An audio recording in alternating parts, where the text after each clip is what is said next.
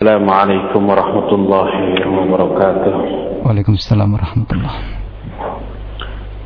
إن الحمد لله نحمده ونستعينه ونستغفره ونعوذ بالله من شرور أنفسنا وسيئات أعمالنا. من يهده الله فلا مضل له ومن يضلل فلا هادي له. وأشهد أن لا إله إلا الله وحده لا شريك له وأشهد أن محمدا عبده ورسوله. يا أيها الذين آمنوا اتقوا الله حق تقاته ولا تموتن إلا وأنتم مسلمون. وبعد فإن أصدق الحديث كتاب الله. وخير الهدي هدي محمد صلى الله عليه وآله وسلم وشر الأمور محدثاتها وكل محدثة بدعة وكل بدعة ضلالة وكل ضلالة في النار. أيها الإخوة أعزكم الله baik yang ada di Masjid Al-Furqan Bandung ini ataupun para pendengar Tadi Roja di mana saja Anda berada Alhamdulillah kita berjumpa kembali untuk melanjutkan kajian kita tentang surga. Jumat yang lalu kita sudah membahas bahwa di surga itu ada cahaya cahayanya tidak pernah padam apalagi atau redup. Tapi di surga tidak ada siang tidak ada malam tidak ada juga matahari tidak ada juga bulan. Sebagaimana Syekhul Islam menyatakan wal jannatu laisa fiha syamsun wala qamar wala lailun wala nahar di surga tidak ada matahari, tidak ada bulan, tidak ada malam, tidak ada siang. Lalu bagaimana mereka para ahli surga mengetahui adanya pagi dan sore? Syekhul Islam menyatakan, Lakin tu'raful bukratu wal asyiyatu binurin yadharu min qibalil arsh. Diketahuinya siang pagi dan petang adalah dengan cahaya yang muncul dari arah arsh. Sehingga ungkapan dalam Al-Quran walahum rizquhum fiha bukrata wa bagi mereka, bagi para ahli surga di dalamnya ada rizki setiap pagi dan petang. Itu terdapat dalam surah Maryam ayat 62. Pagi dan petang di surga diketahui dengan cahaya yang muncul dari arah ars. Keterangan tentang hal itu sudah kita terangkan pada Jumat yang lalu. Kita pun sudah menjelaskan bahwa surga itu ada aroma. Wangi far, apa harum yang aromanya tercium sampai sejarak dalam salah satu hadis 40 tahun perjalanan dalam hadis lain 70 tahun perjalanan. Apalagi orang-orang yang berada di dalam surga pasti mencium aroma wewangian surga yang luar biasa.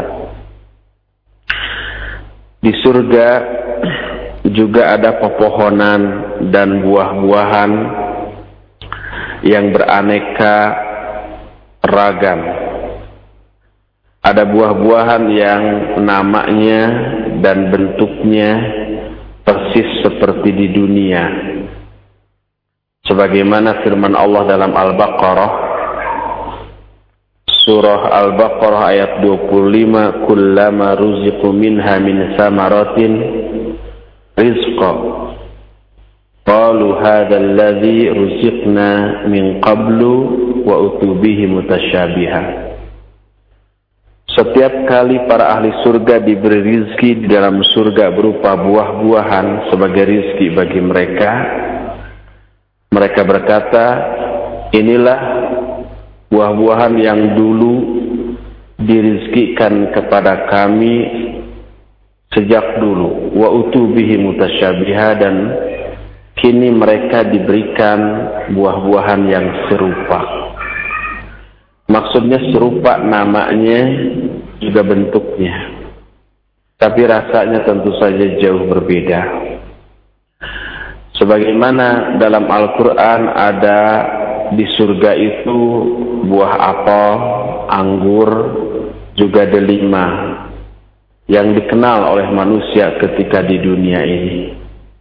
Di akhirat juga buah-buahan itu ada, tetapi rasanya yang tentu saja jauh berbeda.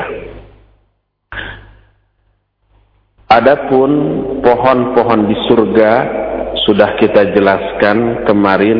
Pertama, ada pohon yang besarnya amat sangat luar biasa sampai-sampai kalau seseorang lewat di bawah kerindangannya seratus tahun pun perjalanan mereka maka tidak akan bisa melintasi kerindangan pohon tersebut. Ada juga Sidratul Muntaha yang kemarin juga sudah kita terangkan dalilnya dari Al-Quran ataupun As-Sunnah.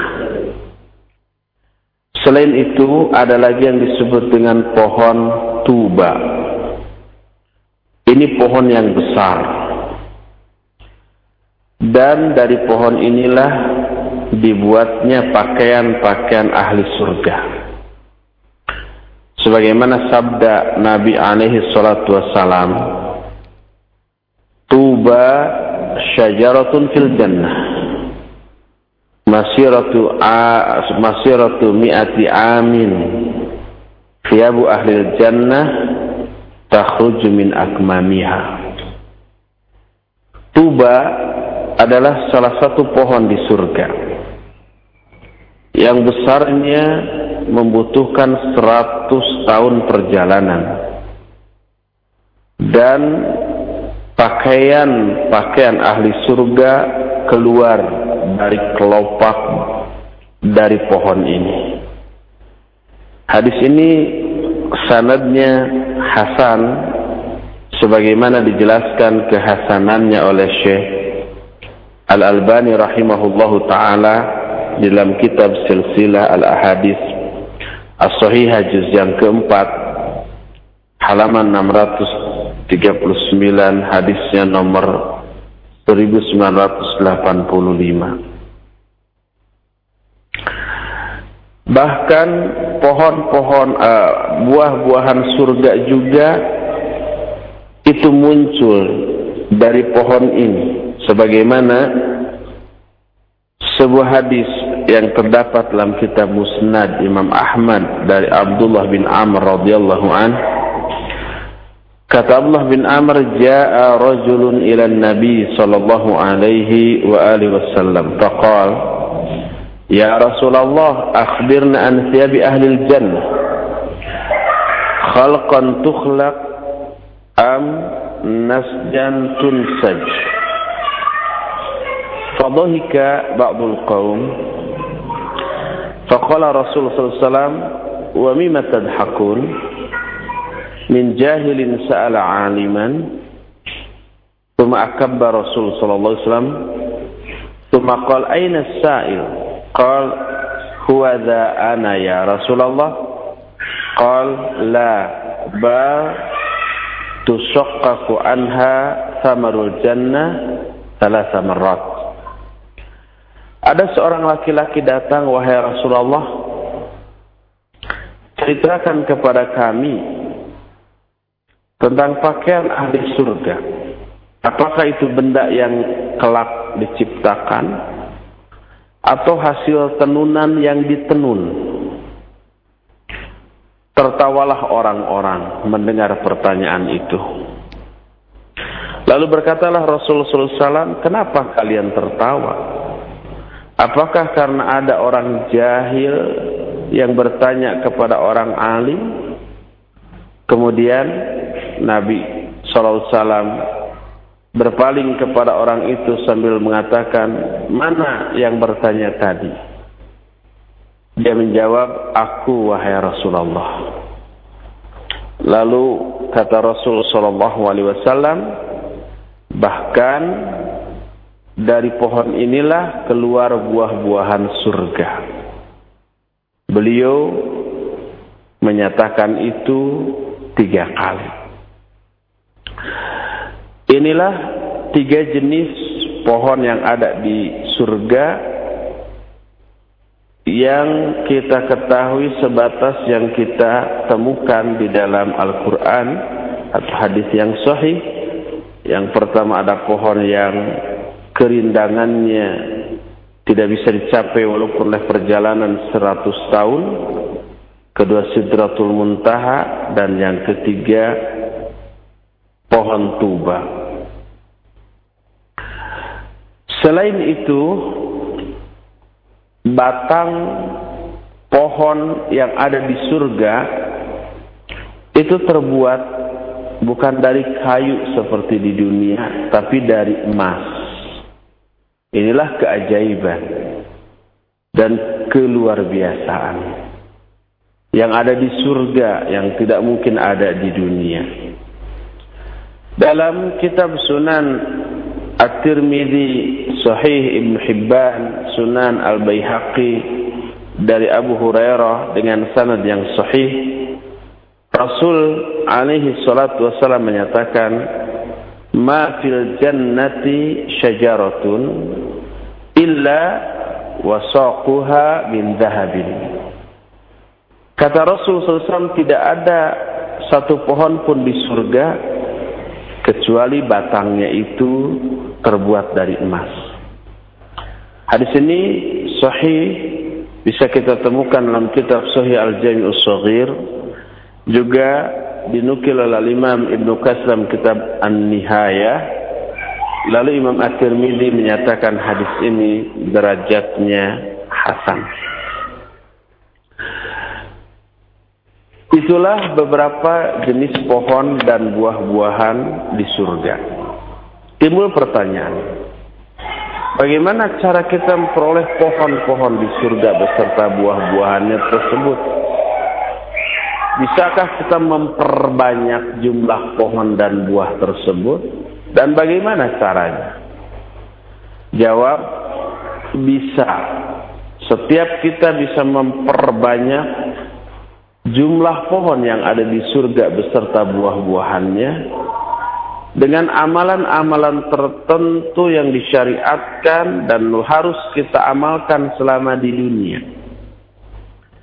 Khalilur Rahman Abul Anbiya Ibrahim alaihi alaihi salatu wassalam pernah meminta kepada Nabi Muhammad sallallahu alaihi wasallam pada malam ketika beliau diisrokan agar salam Nabi Ibrahim itu disampaikan kepada umatnya. Sebagaimana dijelaskan dalam hadis yang diriwayatkan Imam At-Tirmidzi dengan sanad yang hasan dari Abdullah bin Mas'ud radhiyallahu anhu. Rasul sallallahu alaihi wasallam bersabda, "Laqitu Ibrahim lailatan usriyabi." Faqala ya Muhammad, "Aqri ummataka annal jannata ardun taibatu turbah adabatul ma wa annaha qi'an wa anna ghara wa anna gharasaha subhanallah walhamdulillah wa la ilaha illallah wallahu akbar." Aku bertemu dengan Ibrahim pada malam ketika aku diisrokan. Ibrahim saat itu ada di langit ketujuh. Langit pertama, kedua, ketiga, keempat sampai keenam bertemu dengan beberapa nabi yang lain. Nabi Ibrahim di langit yang ketujuh. Sebagaimana itu dijelaskan dalam kitab Sahih Bukhari. Aku bertemu dengan Ibrahim ketika malam aku diisrokan. Lalu berkata Ibrahim, Hai Muhammad, sampaikan salamku kepada umatmu. Juga sampaikan berita, bacakan berita. Bahwa surga itu negeri yang tanahnya sangat baik, bagus. Airnya sangat tawar. Dan itu ada sebuah taman yang indah. Dan tanam-tanamannya adalah subhanallah walhamdulillah wala ilaha illallah wallahu akbar. Sehingga para ulama menyatakan siapa orang yang mengatakan kalimat ini subhanallah walhamdulillah wala ilaha illallah wallahu akbar baginya adalah satu pohon di surga.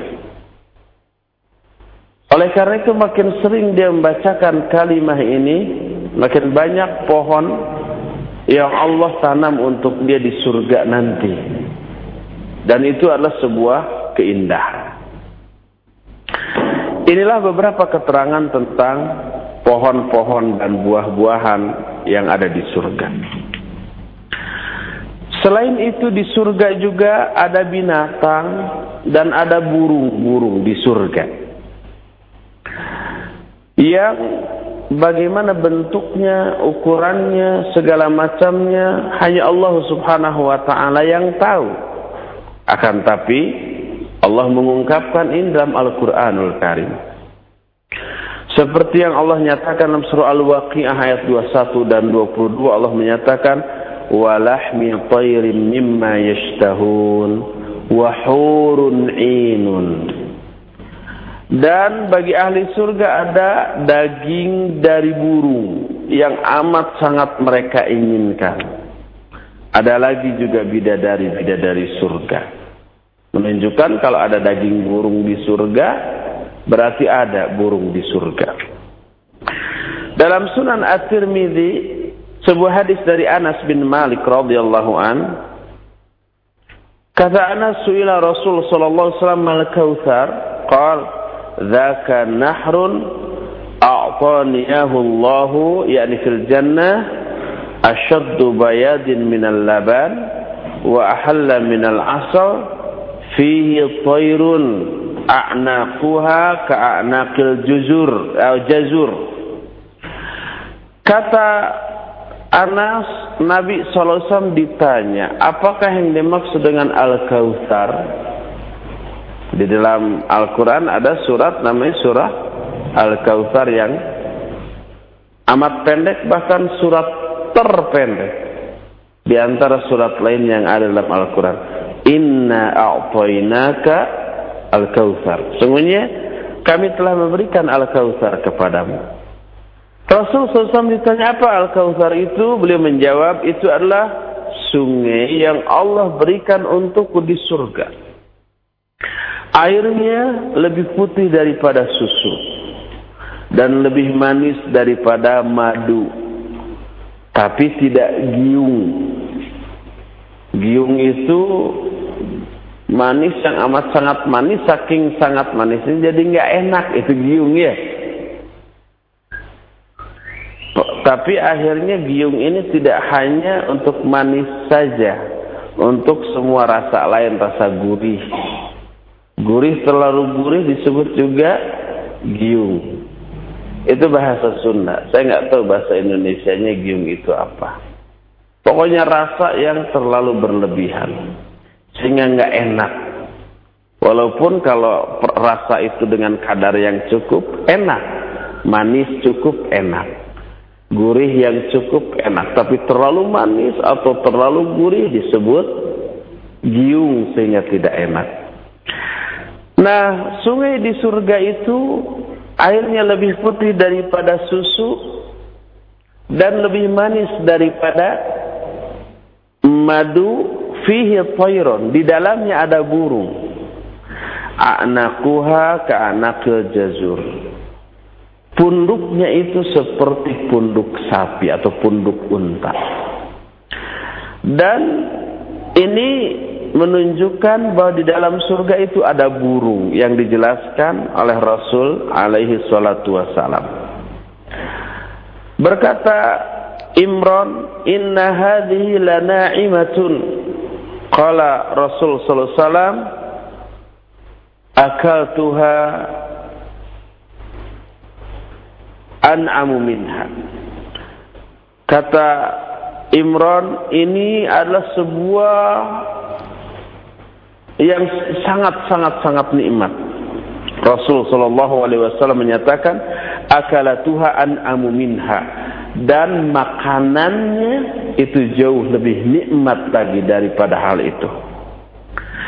Dalam hadis yang dikeluarkan oleh Abu Nuaim dalam kitab Al-Hilyah, Al-Hakim dalam Al-Mustadrak, diterima dari Abdullah bin Mas'ud radhiyallahu anhu. Ja'a rajulun binaqatin mahtumah.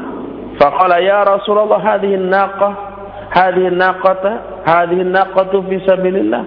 Faqala Rasul sallallahu laka biha sab'u mi'atin naqatin naqatin mahtumah fil jannah. Datang seorang laki-laki kepada Rasul sallallahu alaihi wasallam lalu dengan membawa seekor unta yang dikekang yang ditambat. Kemudian dia berkata, "Wahai Rasulullah, unta ini saya infakkan di jalan Allah." Apa kata Nabi sallallahu alaihi wasallam?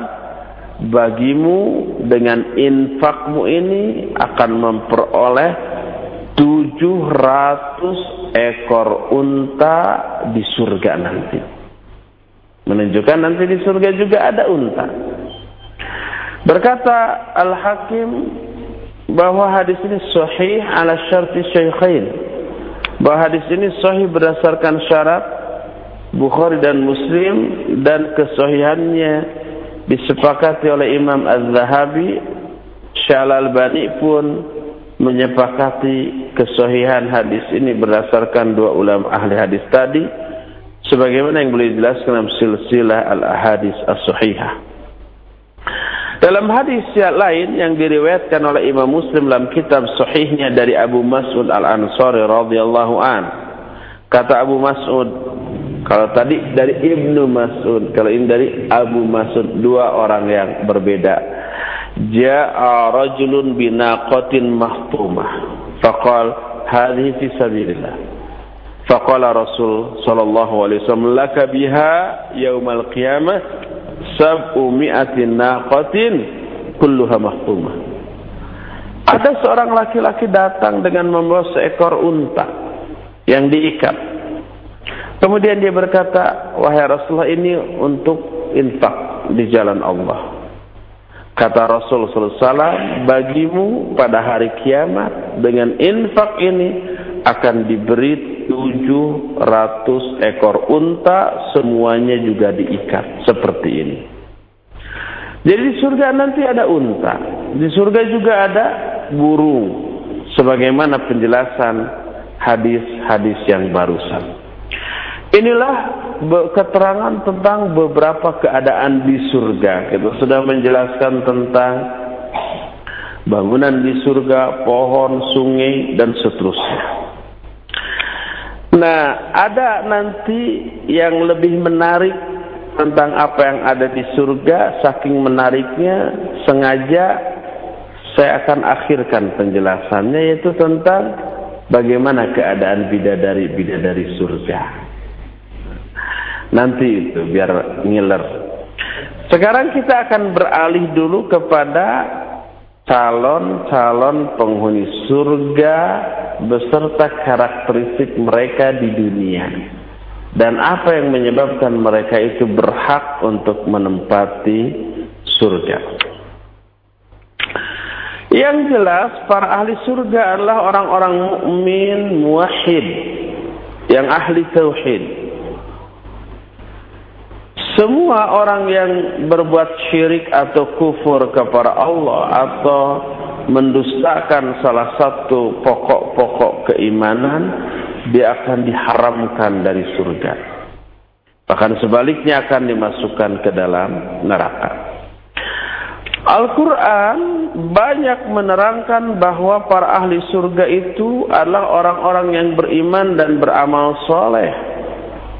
Sebagaimana Al-Baqarah 25 umpamanya menyatakan wa basyiril ladzina amanu wa amilus solihat anna lahum jannatin anna lahum jannatin tajri min anhar. Kata Allah beritahukanlah atau berikanlah kabar gembira kepada orang-orang yang beriman dan beramal soleh. Bahwa bagi mereka disediakan surga-surga yang banyak mengalir sungai-sungai di bawahnya. Kullama ruziqu minha min samarati rizqa qalu hadha hadha alladhi ruziqna min qablu wa utu bihi mutasyabiha wa lahum fiha azwajun mutahharah wa hum fiha khalidun.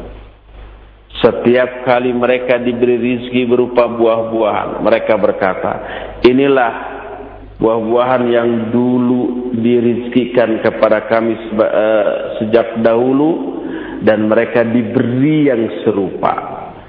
Bagi mereka di dalam surga itu ada istri-istri yang suci, yang bersih, dan mereka kekal di dalamnya.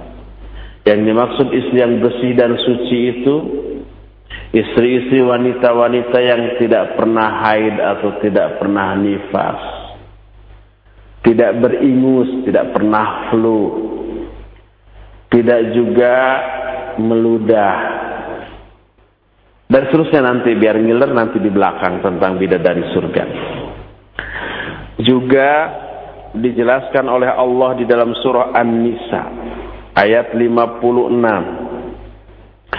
Allah berfirman, "Walladzina amanu wa 'amilus sanudkhiluhum jannatin tajri min tahtiha al-anhar khalidina fiha abada lahum fiha azwajun mutahharah wa nudkhiluhum dhillan dhalila." Kata Allah, dan orang-orang yang beriman dan beramal soleh. Tadi beriman beramal soleh. Sekarang juga beriman dan beramal soleh. Kami masukkan mereka dalam surga dalam surga yang banyak mengalir sungai-sungai di bawahnya. Mereka kekal di dalamnya selama-lamanya dan bagi mereka disediakan istri-istri yang suci. Disebut lagi istri-istri yang suci. Dan itulah bidadari-bidadari surga. Juga dijelaskan dalam surah Al-A'raf ayat 41 Allah berfirman walladzina amanu wa solihat la nukallifu nafsan illa wus'aha ulaika ashabul jannah hum fiha khalidun dan orang-orang yang beriman dan beramal soleh kami tidak akan membebani seseorang kecuali sesuai dengan kesanggupannya. Mereka lah orang-orang yang ahli surga dan mereka akan kekal di dalamnya.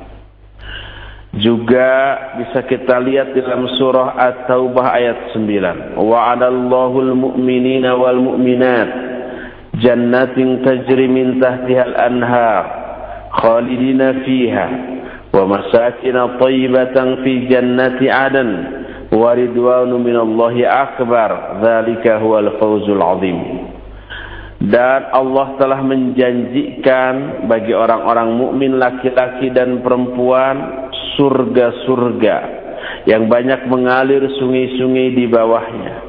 Mereka kekal di dalamnya dan Allah menyediakan tempat-tempat tinggal yang baik di surga Aden serta keriduan dari Allah itulah yang lebih besar. Dalam surah Yunus ayat 9 dan ayat 10. Innal ladzina amanu wa 'amilus solihat yahdihim rabbuhum biimanihim tajri min tahtihimul anhar fi jannatin na'im. Da'wahum fiha subhanakallahumma wa tahiyyatuhum fiha salam. wa akhiru da'wahum anil hamdulillahi rabbil alamin. Sesungguhnya orang-orang yang beriman dan orang-orang yang beramal soleh Allah menunjuki mereka dengan keimanan mereka dan akan mengalir sungai-sungai di bawah mereka di surga yang penuh kenikmatan. Seruan mereka di dalamnya adalah subhanallah subhanakallahumma. Penghormatan mereka di dalamnya adalah salam dan ucapan akhir mereka adalah alhamdulillahirabbil alamin. Jadi semua ayat-ayat tadi menunjukkan bahwa salah satu keterangan yang menyatakan seseorang akan masuk surga adalah iman dan amal soleh. Kadang-kadang Allah juga menerangkan bahwa yang berhak memasuki surga selain iman adalah Islam. Sebagaimana Allah ungkapkan dalam Al-Quran surah Az-Zukhruf 68 sampai ayat 70 Allah berfirman Ya ibadi La khawfun alaikum al-yawma wa la antum tahzanun Alladina amanu bi ayatina wa kanu muslimin Udkhulul jannata antum wa azwajukum tuhbarun Wahai hamba-hambaku tidak ada ketakutan atas kalian pada hari ini dan kalian juga tidak berduka cita. Hari ini maksudnya hari kiamat. Yaitu orang-orang yang beriman kepada ayat-ayat kami dan mereka adalah muslim. Mukmin dan muslim. Kata Allah, masuklah kalian ke dalam surga beserta istri-istri kalian dalam keadaan kalian digembirakan atau dibahagiakan. Dalam ayat lain Allah menyatakan yang berhak masuk surga itu adalah orang-orang yang ikhlas dalam melaksanakan agama ini. Surah As-Saffat ayat 40 menyatakan illa ibadallahil mukhlasin ulaika lahum rizqum ma'lum fawakihu wa hum mukarramun wa hum mukramun fi jannatin na'im kecuali hamba-hamba Allah yang ikhlas. Mereka lah orang-orang yang akan memperoleh rizki yang ditentukan, buah-buahan, dan mereka dimuliakan di surga yang penuh kenikmatan. Yang dimaksud dengan ikhlas dalam beragama memurnikan dalam beragama maksudnya memurnikan pelaksanaan dari agama ini dari dua aspek, dari dua sisi.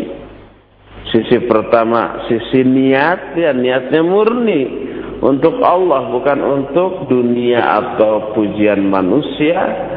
Kedua, murni dari segi tata cara pelaksanaan agama itu murni hanya melaksanakan apa yang disyariatkan oleh Allah Subhanahu wa taala. Kadang-kadang Allah juga menerangkan bahwa yang berhak menerima atau masuk ke dalam surga itu karena kuatnya keterkaitan jiwa mereka dengan Allah Subhanahu wa taala serta besarnya rasa harapan mereka kepada Allah Subhanahu wa taala serta ibadahnya yang super intensif kepada Allah. Allah berfirman dalam As-Sajdah ayat 15 sampai 18 kata Allah, "Innama yu'minu bi ayatina alladziina idza dzukiru biha kharru sujada wa sabbahu bihamdi rabbihim wa hum la yastakbirun tatajafa junubuhum 'anil madaji yad'una rabbahum khawfan wa tama'a wa mimma razaqnahum yunfiqun fala ta'lamu nafsu ma ukhfiya lahum min qurrati a'yun jazaa'an bima kanu ya'malun orang-orang mukmin hanyalah orang-orang yang beriman kepada ayat-ayat kami Orang-orang mukmin itu adalah orang-orang yang beriman kepada ayat-ayat kami dan orang-orang yang apabila mereka itu diingatkan dengan ayat-ayat kami mereka tersungkur sujud sambil bertasbih memuji Allah dan mereka tidak takabur. Ketika kita membaca ayat ini di dalam solat atau di luar solat disunahkan sujud yang disebut dengan sujud tilawah. Tatajafa junuduhum anil mawdaji. Rusuk-rusuk mereka renggang dari tempat-tempat tidur mereka. Maksudnya sholat ya tidak tidur malam itu. Sholat malam qiyamul lail rusuk-rusuk mereka. Renggang dari tempat tidur mereka. Yad'una rabbahum. Mereka berseru menyeru berdoa kepada khaufan wa tama'an dengan harap-harap cemas. Wa mimma razaqnahum yunfikun dan mereka pun menafkahkan sebagian rezeki yang kami berikan kepada mereka. Nah ini juga karakteristik ahli surga yang dijelaskan dalam ayat surah as-sajdah tadi Penyebab lain yang dijelaskan dalam ayat lain seseorang bisa masuk ke dalam surga adalah karena sabar dan tawakal. Allah berfirman walladzina amanu wa amilus solihat lanubawwi'annahum minal jannati ghurafa tajri min tahtiha al-anharu khalidina fiha ni'ma ajrul amilin alladzina sabaru wa ala rabbihim yatawakkalun dan orang-orang beriman dan beramal soleh. Kami akan siapkan bagi mereka kamar-kamar di surga. Di bawahnya banyak mengalir sungai-sungai. Itulah sebaik-baik ganjaran bagi orang-orang yang beramal. Mereka adalah orang-orang yang sabar dan mereka tawakal hanya kepada Allah Subhanahu wa taala. Jadi sudah beberapa karakteristik itu ahli surga, iman dan amal soleh sudah dijelaskan. Islam juga sudah. Kemudian ikhlas juga sudah. Kemudian kuatnya keterkaitan jiwa mereka dengan Allah beserta ibadahnya yang intensif kepada Allah. Sabar dan tawakal. Itu kunci-kunci masuk surga itu. Dan tidak boleh juga dilupakan istiqamah di atas yang hak. Allah berfirman innal ladzina qalu rabbuna Allah tsumma taqamu tatanazzalu alaihimul malaika alla takhafu wa la tahzanu wa abshiru bil jannati allati kuntum tu'adun. Dalam ayat lain dalam surah uh, Al-Ahqaf ayat 13 innal ladzina qalu rabbuna Allah tsumma istaqamu fala khaufun alaihim wa lahum yahzanun. Ulaika ashabul jannah khalidina fiha jazaan bima kanu ya'malun. Sesungguhnya orang-orang yang berkata Rabb kami adalah Allah. Lalu mereka istiqamah. Maka tidak ada ketakutan atas mereka dan mereka pun tidak berduka cita. Mereka lah ahli surga. Mereka kekal di dalamnya dan itulah balasan bagi apa-apa yang mereka lakukan dahulu. Ada lagi orang-orang yang ahli surga itu adalah orang yang takut kepada Allah Subhanahu wa taala. Rasa takut itu mengerem dirinya dari kemaksiatan, penyimpangan, bahkan orang seperti itu diberi dua surga, bukan satu lagi. Allah berfirman dalam Ar-Rahman ayat ke-47, "Waliman khafa maqama rabbih jannatan." Dan bagi orang-orang yang takut kepada makom Allah, dia akan peroleh dua surga. Para ulama di antaranya dari kalangan sahabat Ibnu Abbas menyatakan yang dimaksud waliman khafa maqama rabbi bagi orang-orang yang takut kepada makom Rabbnya maksudnya eh, orang-orang yang takut ketika dia berdiri di hadapan Allah Subhanahu wa taala di alam mahsyar. Orang yang takut menanti saat ketika dia berdiri di hadapan Allah di alam mahsyar bagi dia akan disediakan dua surga. Dan dua surga itu tentu saja di dalamnya dengan seabrek kenikmatan.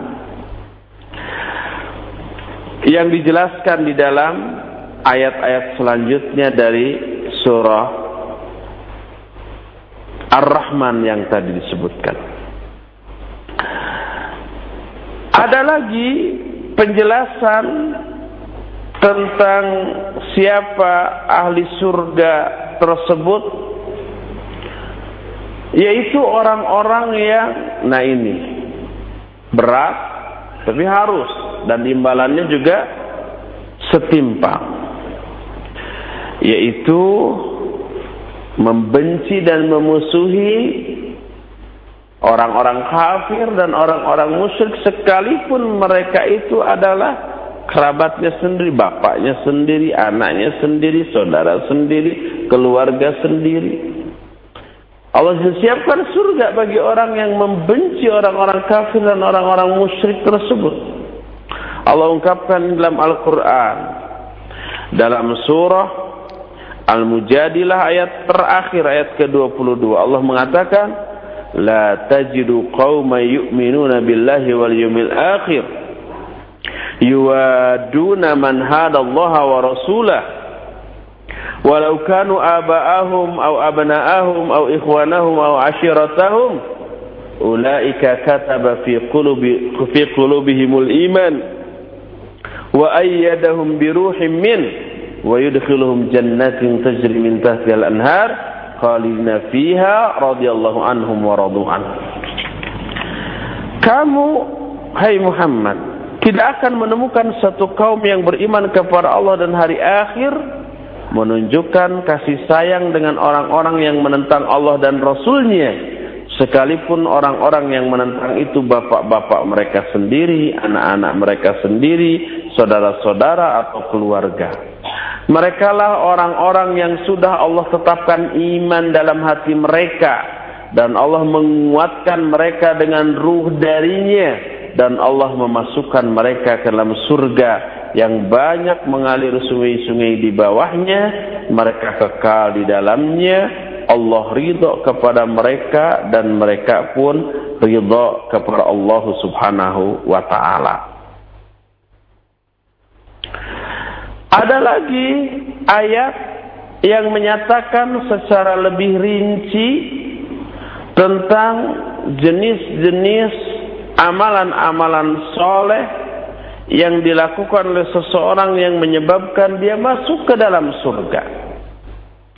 Seperti umpamanya amalan-amalan soleh tersebut adalah memiliki keyakinan bahwa Al-Quran yang diturunkan kepada Nabi Muhammad SAW itu hak, benar, memenuhi janji, tidak melanggar janjinya, memelihara menyambungkan silaturahmi, takut kepada Allah, takut kepada hisab yang dahsyat, menegakkan sholat, berinfak, baik sembunyi-sembunyi ataupun terang-terangan, dan membalas kejahatan orang dengan kebaikan. Itu di antara beberapa amalan yang menyebabkan pelakunya masuk ke dalam surga. Lihat umpamanya, surah Ar-Ra'du ayat ke-21 sampai ke-26 Allah berfirman afaman ya'lamu annama unzila ilaika min rabbikal haqq kaman huwa a'ma innama yatadhakkaru ulul albab alladzina yufuna bi ahdillahi wa la yanquduna al-mitsaq walladzina yasiluna ma amara Allah bihi ayyusa ويخشون ربهم ويخافون سوء الحساب والذين صبروا ابتغاء وجه ربهم وأقاموا الصلاة وأنفقوا مما رزقناهم sirra wa alaniyah wa yadra'una bil hasanati sayyi'ah ulaika lahum uqbad dar jannatu adn yadkhulunaha ومن صلح من آبائهم وأزواجهم وذريتهم والملائكة يدخلون عليهم من كل باب سلام عليكم بما صبرتم فنعم عقبى الدار Kata Allah Subhanahu wa taala di dalam surah Ar-Ra'd itu apakah siapakah yang lebih baik? Apakah orang yang mengetahui bahwa ajaran yang diturunkan kepada engkau ini adalah benar? Ataukah orang buta? Hanyalah yang bisa mengambil pelajaran dari ini hanyalah ulul albab, orang-orang yang berakal. Siapa ulul albab itu? Yaitu orang-orang yang menunaikan janjinya kepada Allah dan tidak membatalkan janjinya. Orang-orang yang menyambungkan apa-apa yang Allah perintahkan untuk disambungkan. Dan mereka takut kepada Allah sebagai Rabb mereka. Mereka pun takut kepada azab yang buruk, hisab yang buruk. Dan orang-orang yang bersabar karena mencari wajah Allah dan mendirikan sholat, menginfakkan sebagian yang kami rizkikan kepada mereka baik sembunyi-sembunyi ataupun terang-terangan dan membalas semua kejahatan dengan kebaikan mereka akan menerima akibat yang baik. Yaitu surga Aden. Mereka akan memasukinya. Nah ini tidak mereka akan memasukinya dan orang-orang yang soleh dari bapak-bapak mereka dan istri-istri mereka dan turunan-turunan mereka tidak hanya mereka yang dimasukkan ke dalam surga Kesolehan seorang itu menyebabkan bapaknya ikut, istrinya ikut, anaknya juga ikut. Dan para malaikat akan masuk menemui mereka dari semua pintu sambil mengatakan keselamatan atas kalian karena kesabaran kalian dulu dan itulah sebaik-baik akibat, sebaik-baik balasan. Ada lagi ayat yang menjelaskan bahwa para ahli surga adalah orang-orang yang memadukan antara amalan lahir dan amalan batin. Amalan hati dan amalan raga. Sebagaimana dalam surah Al-Mu'minun ayat 1 sampai 11 menjelaskan semua itu Allah menyatakan qad aflahal mu'minun alladzina hum fi salatihim خاشعون والذين هم عن اللغو معرضون والذين هم للزكاة فاعلون والذين هم لفروجهم حافظون إلا على أزواجهم أو ما ملكت أيمانهم فإنهم فمن ابتغى وراء ذلك فأولئك هم العادون والذين هم لأمانتهم وعهدهم رؤون والذين هم على صلواتهم يحفظون أولئك هم الوارثون الذين يرثون الفردوس هم فيها خالدون Sungguh berbahagia orang-orang yang beriman, yaitu orang-orang yang khusyuk dalam sholatnya. Ini menyangkut amalan lahir dan batin.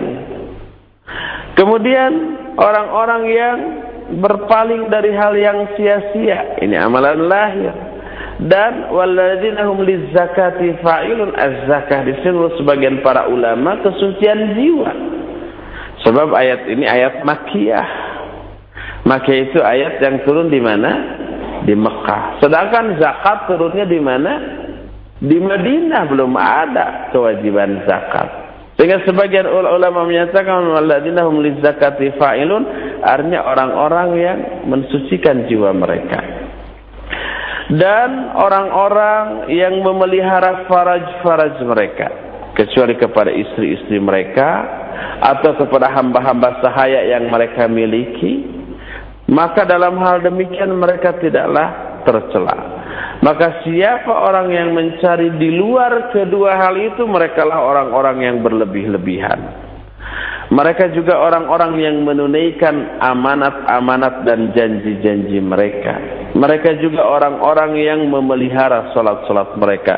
Mereka lah yang akan menjadi para ahli waris, yaitu orang-orang yang menerima warisan surga Firdaus dan mereka kekal di dalamnya selama-lamanya.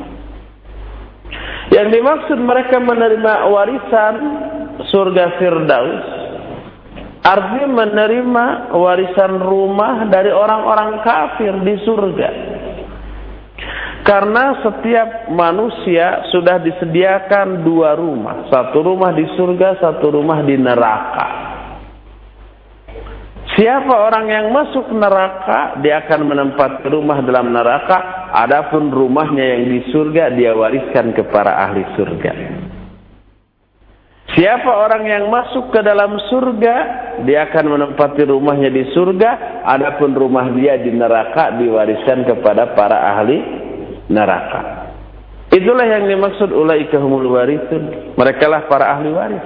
Yaitu orang-orang yang menerima warisan di surga Firdaus dan mereka kekal di dalamnya. Ini karakteristik yang umum yang dimiliki oleh para ahli surga. Akan tetapi satu hal yang harus harus harus kita sadari kita yakini bahwa karena surga itu super mahal. Derajatnya amat sangat luar biasa tinggi. Untuk memperolehnya tidak gampang. Surga tidak bisa diraih dengan berleha-leha, dengan berhura-hura, dengan bersenang-senang. Jalan menuju surga adalah jalan yang berliku penuh onak dan duri.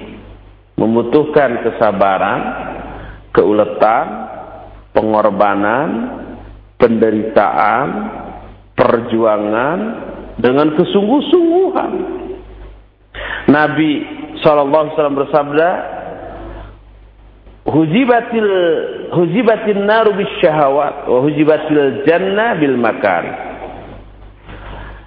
kata Nabi SAW neraka itu ditutup dengan syahwat sedangkan surga ditutup dengan makari kalau syahwat adalah hal-hal yang menyenangkan kalau makari adalah hal-hal yang tidak menyenangkan Coba jalan menuju neraka itu rata-rata menyenangkan tuh.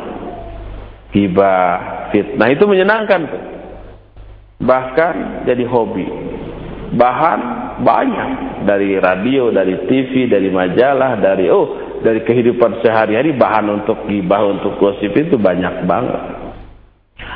Coba lihat umpah berjudi, mabuk, hura-hura, berzina, dan seluruh itu menyenangkan semuanya. Makanya banyak orang yang tergiur sekalipun tahu ujungnya itu di neraka. Sebaliknya surga dipenuhi hal-hal yang tidak menyenangkan untuk bisa ke surga itu harus ibadah. Harus lapar.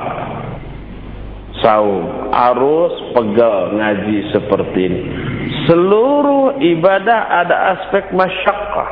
Masyakkah itu penderitaan, ada yang masyakohnya teralami oleh fisik, oleh badan kita, seperti saum, seperti sholat, seperti tolabul ilmi, seperti jihad, oh itu fisik benar, seperti mencari nafkah. Ada lagi yang masyakohnya hanya terasa oleh psikis, oleh jiwa kita, perasaan kita, fisik sih tercecel, terboncel, terbared-bared asan. Uh, saya lupa di Jakarta banyak yang mendengar juga. Maksud tercecel, terboncel itu artinya luka sedikit pun tergoris pun tidak secara fisik, tapi secara psikis mungkin menderita. Seperti umpamanya zakat, infak, sodako, ada perasaan sayang, lebar kata orang Sunda ya. Sudah harta dikumpulkan dengan banting tulang, peras keringat, dug hulu pet nyawa suku dijen hulu hulu dijen suku tisuk jedur nepikan kasole jeder gitu ya. Keringat dingin keringat panas keringat hangat semuanya bercucuran dari seluruh tubuh untuk memperoleh harta. Eh setelah harta teraih harus diberikan sebagian kepada orang lain. Sayang lebar kata orang Sunda saraf sihis dia Contoh lain secara psikis dalam pembagian waris. Wanita memperoleh setengah bagian dari laki-laki. Dan karena HTP-nya ngejedug ta. Secara psikis dia menderita. Si Ujang anak abah, si Nyai juga anak abah. Nah si Ujang menang satanggungan, hari si Nyai menang sagandongan. Satanggungan berarti dua ya, ditanggung begitu ya.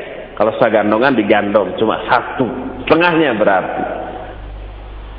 Kenapa harus dibedakan? Secara psikis terhantam. Syariat ta'adud. Wah, ini secara psikis dengan hantaman yang berat bagi kaum wanita. Tapi itulah pelaksanaan dari syariat Allah Subhanahu wa taala pahala diperoleh dari kadar penderitaan dalam melaksanakan syariat itu. Lebih besar penderitaannya, lebih gede pahalanya. Al-ajru ala qadril masyaqqah. Pahala didasarkan pada kadar masyaqqah, penderitaan. Mana ibadah apa yang penderitaannya paling hebat? Coba lihat. Apa kira-kira? Jihad. Ya, perang melawan orang kafir itu lahir batin jiwa raga harta nyawa itu dikorbankan semuanya. Apa balasan bagi jihad? Kalau mati syahid. Kalau menang dosa gugur pahala banyak gonimah dapat. Luar biasa itu. Nah jadi di dalam semua ibadah terkandung penderitaan dan ibadah adalah jalan menuju surga. Dan ibadah penuh dengan penderitaan. Ngaji gini menderita enggak? Menderita, sangkul. Pegel, kesal, ngantuk, pingin ngobrol, dan seterusnya. Penderitaan. Dalam Sunan An-Nasai, At-Tirmidzi dan Abu Daud dari Abu Hurairah radhiyallahu an, Rasul sallallahu bersabda, لما خلق الله الجنة قال لجبريل اذهب فانظر إليها. فذهب فنظر إليها فقال وعزتك لا يسمع بها أحد إلا دخلها فحفها بالمكاره. فقال اذهب فانظر إليها. فذهب فنظر إليه ثم جاء فقال وعزتك لقد خشيت ألا يدخلها أحد. Ketika Allah menciptakan surga, baru surga aja, jalan menuju surganya belum, belum, belum diciptakan. Ketika Allah menciptakan surga beserta kemewahannya, keindahan, kenikmatannya, Allah berfirman kepada Jibril, kamu pergi ke surga dan lihat isinya. Pergilah Jibril ke surga dan melihat isinya, setelah itu berkata, demi kemuliaanmu ya Allah. Tidak ada seorang pun yang mendengar keindahan surga kecuali pasti dia akan bisa memasukinya.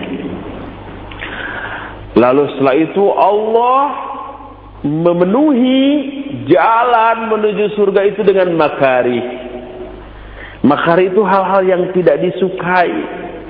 Kalau mau ke surga tuh harus iman harus ibadah harus berpegang teguh kepada sunnah, harus menjauhi maksiat, menjauhi dosa. Itu hal-hal yang tidak menyenangkan kan ya? Ke masjid pergi untuk sholat, untuk ngaji itu hal yang tidak disenangi orang. Makanya rata-rata masjid kosong. Rata-rata pengajian kosong. Rata-rata waktu sholat fardu kosong. Coba sekali saja kita adakan dangdut di sebuah lapangan besar dan harus bayar. Kosong enggak? Penuh berdesak-desakan sampai berantem tawuran kan gitu ya banyaknya ya. Jadi Allah kemudian me memenuhi jalan-jalan menuju surga itu dengan al-makari. Kata Allah, pergi lagi kamu hai Jibril. Lihat. Dilihat kata Jibril demi kemuliaanmu ya Allah, aku khawatir tak akan ada seorang pun yang bisa masuk ke dalam surga. Saking apanya? Susahnya. Saking banyaknya orang yang akan merasa wegah meniti jalan menuju surga saking susahnya. Kata orang Sunda mararumpil jalan menuju ke surga teh banyak duri, banyak onak, kurang-kurangnya waspada dalam melangkah beres seumpama menginjak duri, menginjak kerikil tajam, menginjak apa yang tidak disenangi oleh dirinya. Ah, ini menunjukkan bahwa surga itu ya sepadanlah dengan perjuangan. Bahkan sebenarnya jauh lebih besar balasannya daripada perjuangannya. Orang berjuangnya ibadah, amal soleh yang ala kadarnya, tapi balasannya surga yang penuh kemewahan dan abadi kekal selama-lamanya di dalamnya. Itulah jalan menuju surga. Kita belum sempat membahas hal-hal lain tentang para penghuni surga ini, tapi masih panjang sekali penjelasan tentang para penghuni surga. Insya Allah nanti akan kita lanjutkan hari Jumat yang akan datang. Cukup sampai di sini dan kita punya sisa waktu kira-kira kurang dari 10 menit untuk tanya jawab dan saya prioritaskan untuk para pendengar radio Roja. Saya persilakan Pak Wasu untuk memandunya. Baik, kami ucapkan terima kasih jazakallah khairan kepada Ustaz yang telah menyampaikan materi yang sangat bermanfaat di sore hari ini dan di Kota Islam e, tersisa beberapa menit ke depan kami undang Anda untuk bertanya secara langsung di e, 0218236543 atau melalui pesan singkat di 0819896543 dan e, tentunya kami kami harapkan pertanyaan Anda disesuaikan dengan tema kita di kesempatan uh, sore hari ini. Kita angkat yang pertama. Halo. Iya, halo. Halo, Assalamualaikum. Waalaikumsalam warahmatullahi Dari mana Ibu? Dari Ibu Heti di Jakarta Timur. Iya, silakan Ibu Heti. Mohon diperkeras suaranya Ibu, silakan. Assalamualaikum, Ustaz. Waalaikumsalam warahmatullahi uh, Ustaz, uh, mohon kriteria istri yang soleha yang dapat kira-kira masuk uh, kategori hmm. penghuni surga iya. terhadap suami yang bagaimanakah yang wajib ditaati untuk istri yang bisa menjadi istri soleha. Hmm. Terima kasih. Assalamualaikum. Waalaikumsalam warahmatullahi wabarakatuh. Ya. Silakan Ustaz. Umu Heti di Jakarta Timur ya. Nah. Bertanya apa saja kriteria wanita solihah yang akan menghuni surga?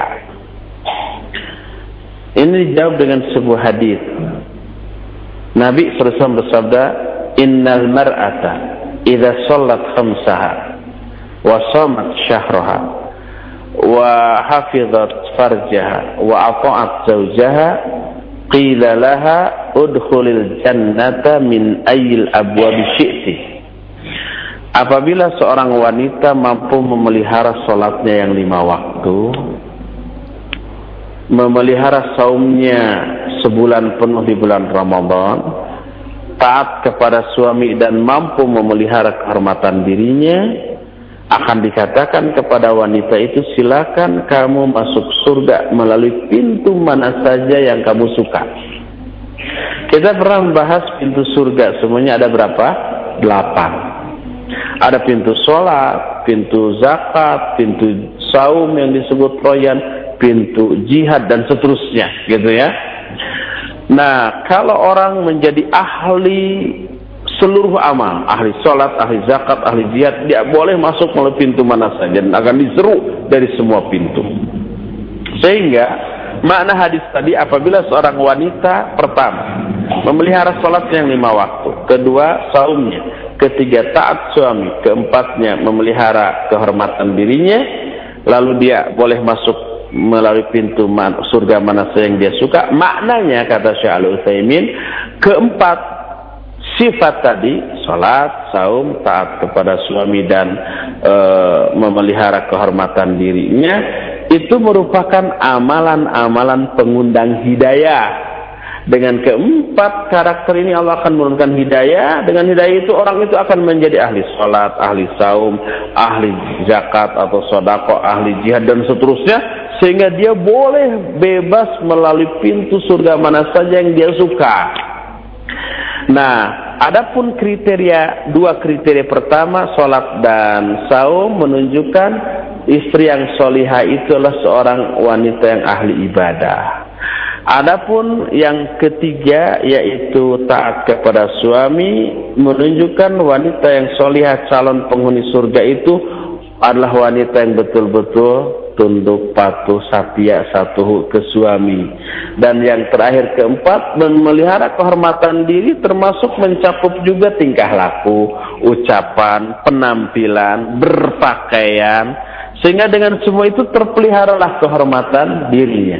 Itulah beberapa kriteria wanita ahli surga wallahu alam. Silakan lagi Pak. Nah, Ustaz, jazakallah khairan dan selanjutnya kami angkat pertanyaan yang datang dari penelpon kembali di uh, 8236543. Halo.